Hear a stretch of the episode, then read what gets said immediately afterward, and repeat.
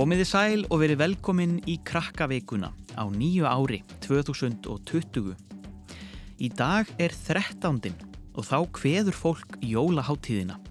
Við ætlum þess vegna í þessum þætti að fræðast aðeins um áramótin og kynna okkur þessa 13. háttíð.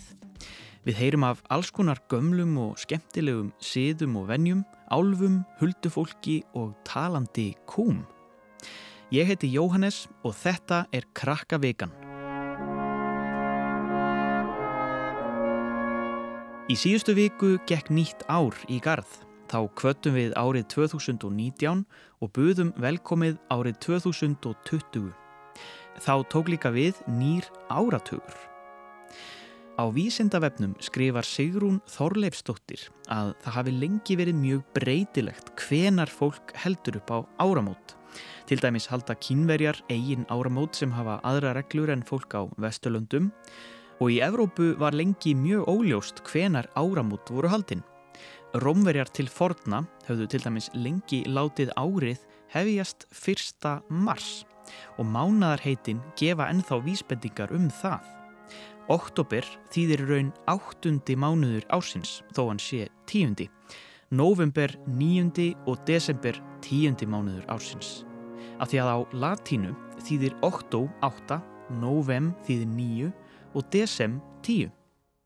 Frá fyrstu öld fyrir upphaf okkar tímatals letu rómverjar svo árið byrja 1. janúar. En hvers konar háttíð eru áramót og hvernig voru þau í gamla daga á Íslandi? Við fengum í heimsókn hana Björg Bjarnadóttur umhverfis þjóðfræðing til að segja okkur aðeins betur frá. Þetta er hátíðin þar sem við hveðjum hið gamla og bjóðum hið, vel, hið nýja velkomið inn í líf okkar.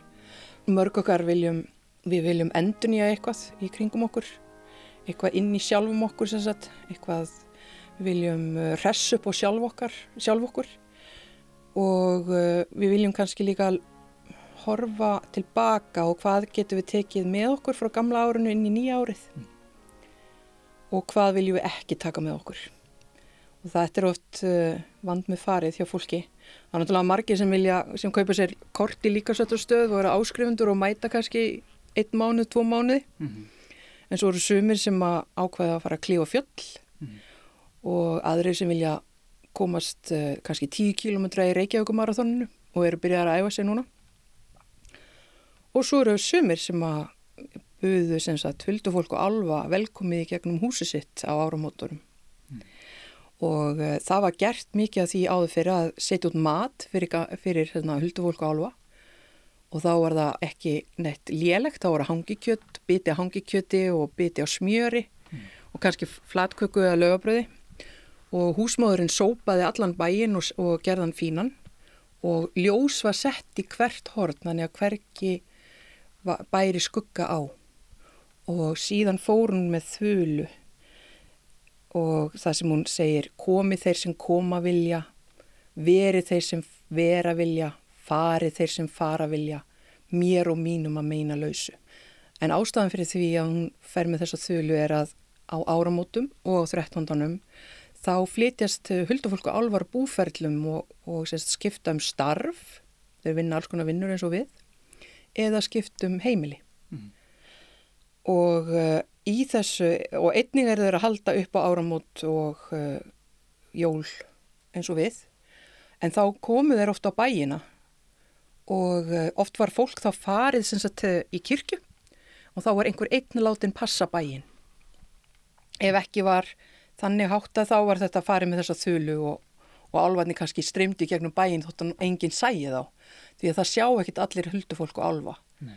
það er bara gefið einhverjum örfáum og í mörgu þjóðsögum er það þannig að þú færð gáfuna að sjá huldufólk og álfa með því að setja smyrsli auða á þér. Þú ert til dæmis beðinum að koma að hjálpa álkonu sem er að eigna sparn og þá e, lætur þig að fá smyrsl til að setja augun á álfabarninu þegar það fæðist og um leið þá kannski laumar þú smyrsli auða á þér og þá myndu geta séð huldufólk og álfa mm. hér eftir. En e, já og þessi séður er að bjóða þau velkomin í gegnum húsi sitt.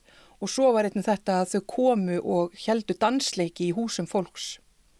Og það var oft mjög erfitt að standast gillibóð þeirra. Og þú mátt aldrei segja já við huldufólk og álfa eða, eða taka þátt í dansi þegar þú bjóða þér í dansin þú mátt bara vera á svæðinu og, og þykjast valla að taka eftir með að þau taka yfir húsið þitt og dansa af sér fætunar og síðan segir þú þegar þú sérð að sólinn er að koma upp Guðsu lofa dagur er að renna upp mm. og þá hlaupaðu á stað og skilja eftir allt sem þú voru með matinn og silfurdiskana og gulldiskana og nývapörin sem eru úr silfri og, mm. og allskinn silfur og gullklæði sem þú klæðast Mikla gerðsimar Já En ef maður segir já, hvað hva gerist þá?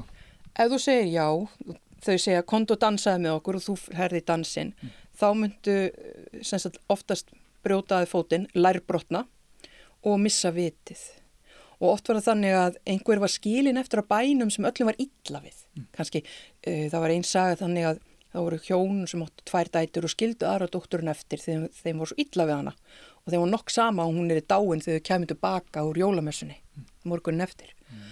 En hún sem sagt gerir allt svo vel, hún gefur alvabatninu mat sem byður um mat og og hún neytar að kissa alvamannin sem vill að hann kissi, að hún kissi sig mm. þegar hún er í fjósinu að segja hún kýrtnar og þannig að það kemur til hennar álkona og segir mikið gerðið þú vel að gefa barninu mínu mat og neyta að kissa mannin minn.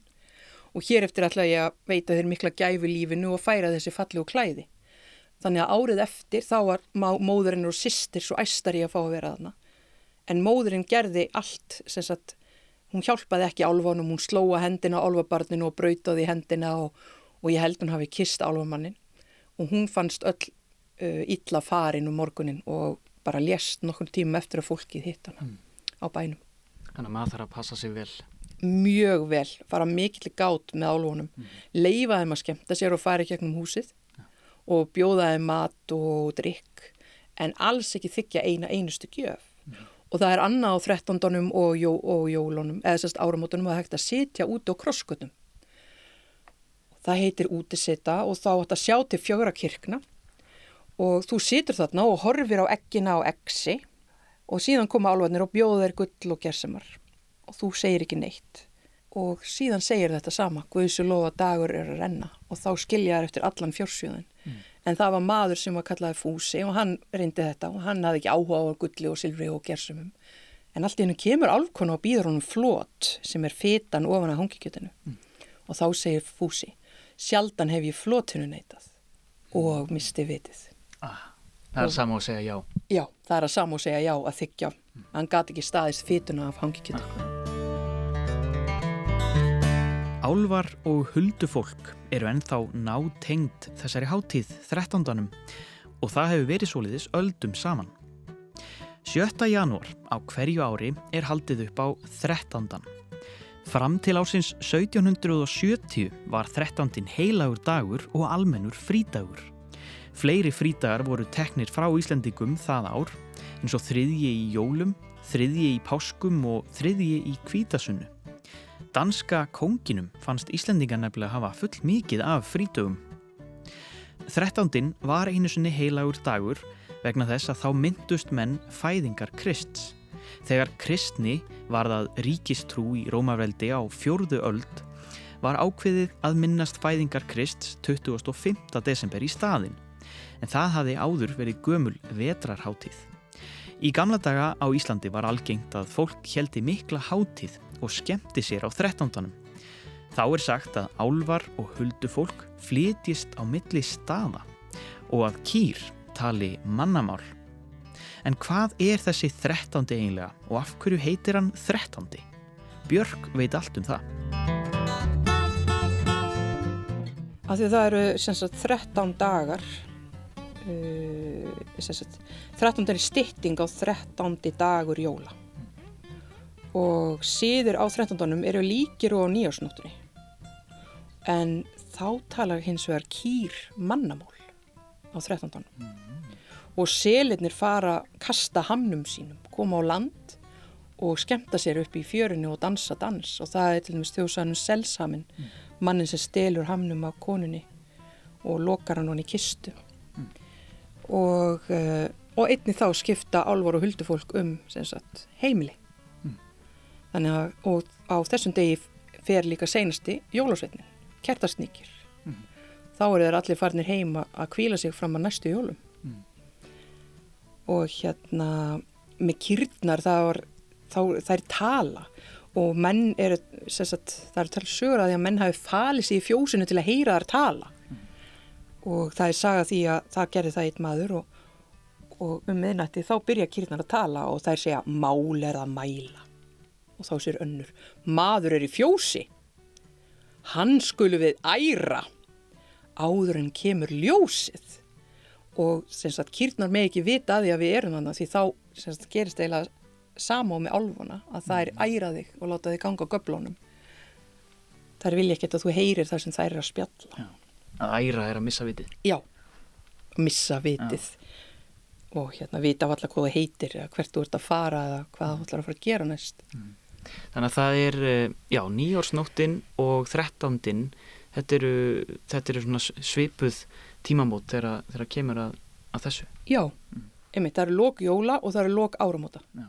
Það er svona þetta og þetta eru öll, allar svona hátíðir sem er að taka enda eða er að byrja, það er svona heilagur tími. Mm. Þetta er einhver töfratími og þá fara þess að verur stað og uh, okkur ber skilda til að gefa þeim smá mat. Mm. Ég meina, við eigum svo mikið af smákökum eftir jólinn, okkur ekki að setja smá út og aðtuga ef við eigum eitthvað fallegan stóran stein út í gardi eða munum að, að vitum að einhverjum álvasteinum, mm. að setja hérna skrautlegustu kökunar þar því álvar og huldufólk eru mikið fyrir það sem er skrautlegt mm. og ég og fjórar frængur og, og við förum alltaf og setjum kökur á eitt stóran stein inn í Mósulstall og þær eru alltaf hortnar þegar við komum aftur tilbaka. Mm. En þeir hljóta að vera eh, svona misjafnir eins og þeir eru margir. Um, hvernig, hvernig heldur að fólk svona líti á álfa í dag? Hvernig, hvernig sögur ganga af álfum í dag? Eru við að tala jafn mikið um álfa í dag og, og í, hvað sé, gamla daga? Nei, því miður, en uh, ef þú spyrir Íslanding trúur álfa þá segir hann ekki nei og hann segir ekki já hann vill ekki afneita þeim en hann vill ekki játa þeir séu til mm. uh, við næ, því miður erum við ekki með, segja eins mikið að alvarsögum og var gert til dæmis var fólk mjög rætt í gamla dagum börnin sín því að alvar hildu til sín börn mm. og þá þóttist uh, til dæmis alfkonan vera móðurinn, hún breytti um sveip og fött mm. og tældi barni til sín þannig að fólk passaði ofbúðslega vel upp á börnin sín í gamla daga að alvarni myndur ekki tælaði til sín og þá er settur út matur fyrir þau og þá er kveikt á kertum fyrir þau á áramótum og farið með þessa þölu sem ég fór með og einnig var borin mikil virðing fyrir hýpilum alva, klettum og stórum steinum mm. og það kannski, það má kannski segja að það sé vegagerðin sem að haldi kannski uppi mikilli alva uh, þekkingu á Íslandi þar sem að í mörgum tilvægum þá ákveður að breyta veg skipulagi, vegaskipulagi þannig að þeir sprengi ekki kletta eða steina sem að álvarnir búa í mm. þannig að það ætti kannski að tala næstu vegagerð ríkisins uh, að hvað þeir hafa um álva að segja á þeirra viðskipti mm. því það er, það er mjög skrautlegt sem hefur átt sér stað mm. millir vegagerðarinnar og álva og þá má bara nefna álfhólsveg í Kópaví mm. hann er ekki beitt er, þetta er álfhólsvegur og þar var og er stór hóll sem að var ekki tekin. Þannig að vegurinn sveig, sem sagt, fer frá hólnum og hóllin er inn í veginum eiginlega. Og þar var mikið, gekk mikið á millir vegagerðanar og álvana sem búið þessum hól. En á endanum var tekin ákverðinum að leifa álvunum að búa þarna og vegurinn fekk þetta nafn. Akkurát. Þannig að það er mest ábyrrandi, uh, álvar er mest ábyrrandi þar sem að, þar sem að menn er að raska náttúrunni. Eða sem sagt, uh, svona þurfa, þurfa að leggja veg á ákveðnum staði að byggja hús eða Já, þá... þá fáum við að heyra um álfana mm.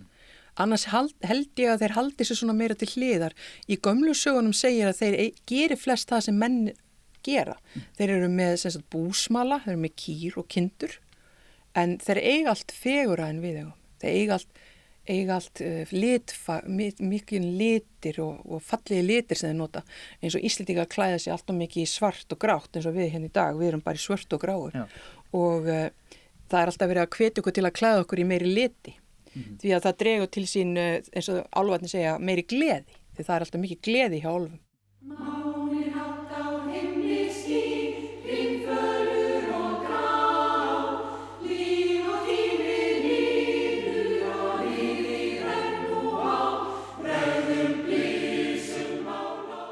Í dag er ekki eins mikið um hátíðahöld á 13. en haldnar eru brennur víða um land og sömur skjót upp síðustu flugveldunum. En svo er það, svo er það hátíðin sem, að, sem við höldum í dag. Það, það er, fólk er að skjóta upp síðustu flugveldunum og svona og það er, svo er umræða um hvort að hérna, flugveldarnir séu nú yfir höfu góðir. Um, og svo eru brennur. Um, Hvað hva getur þú sagt um brennurnar? Það eru nú svolítið stór hluti á 13. Já, brennur, eldur, þetta er frumkraftur og eldur er einn af þessum fjórum helgu frumöfnum. Það er eldur, það er loft og það er vatn og það er jörð. Mm. Þegar við kveikjum bálið þá erum við sagt, að, að brenna burtu hitt gamla og bjóða hitt nýja velkomin í líf okkar. Þannig að inn á bálið getum við líka fleikt gömlum hugsunum og á sama tíma einhverju gömlu timbri. Við erum að brenna það sem er liðið og við erum að bjóða velkomið hitt ferska og nýja. Og það er það sem eldurinn gerir, hann reynsar. Þannig að eldurinn er heilagt efni sem uh, við berum mikla vinningu fyrir því hann er sterkur, hann gefur hlýju, það er þetta elda mat á honum, en um leið er hann mjög hættilegur. Þegar búið er að hveðja eina háttíð er næsta víst að önnur tekur við. Til dæmis eru kannski einhverjir farnir að hlakka til öskudagsins sem haldin er í februar og með honum fylgja auðvitað bolludagurinn og sprengidagurinn. Og svo er það þorrin. Þá er fjör, borða þennan skemmtilega þorramatt. Ég er mjög lélugur þjóðfræðingur í þessu málum að ég get alltaf borðað neitt að þessum þorramatt en ég er mjög mikið áhuga á hann samt. Og uh, að þreja þorran mm. og syngja lög og mæta þorrablót og, og, og hvað, blóta þorran mm. og síðan kemur góa og þá er farað mikið að byrta. Síðan er það Jónsmessan sem er í júni og sumarsólstuður. Mm. Þannig að þetta fylgist að það kemur svona uh, að byrtan er að koma til okkar og hátíðanar hægt og rólega að breytast mm. eftir hvernig myrkrið að byrtan er úti. Þannig að þetta er svona sólinn hefur mikil áhrif og sólargangur á okkar hátíðir. Mm. Þannig að það er svona verið að létt okkur lundin að hafa þorran og góuna. Mm. Það er þessi stöðu að ringrás. Við, við förum ring eftir ring um sólina. Lífið er einn ringrás. Við byrjum í vorinu sem börn og svo verðum við úlingar og svo verðum við fóreldrar mm. og svo verðum við afarömmur og þetta er vor í líf okkar og sumar og höst og vetur mm. og við fagnum því Já. og förum bara Bjart sinni inn í árið 2020 uh, Björg, takk kærlega fyrir komuna og takk fyrir spjallið og fróðleikin Takk kærlega Þá erum við margsvísari um uppbruna 13. Ég vona þið hafið haft það gott yfir hátíðarnar en þó svo að við séum að hveðja jólinn í kvöld getum við verið fullviss um að þau koma aftur í desember á þessu ári. Við heyrums líka fljótlega aftur en þessi þáttur og margt fleira skemmtilegt er á krakkarúf.is og í krakkarúf appinu. Takk fyrir að hlusta. Bless bless.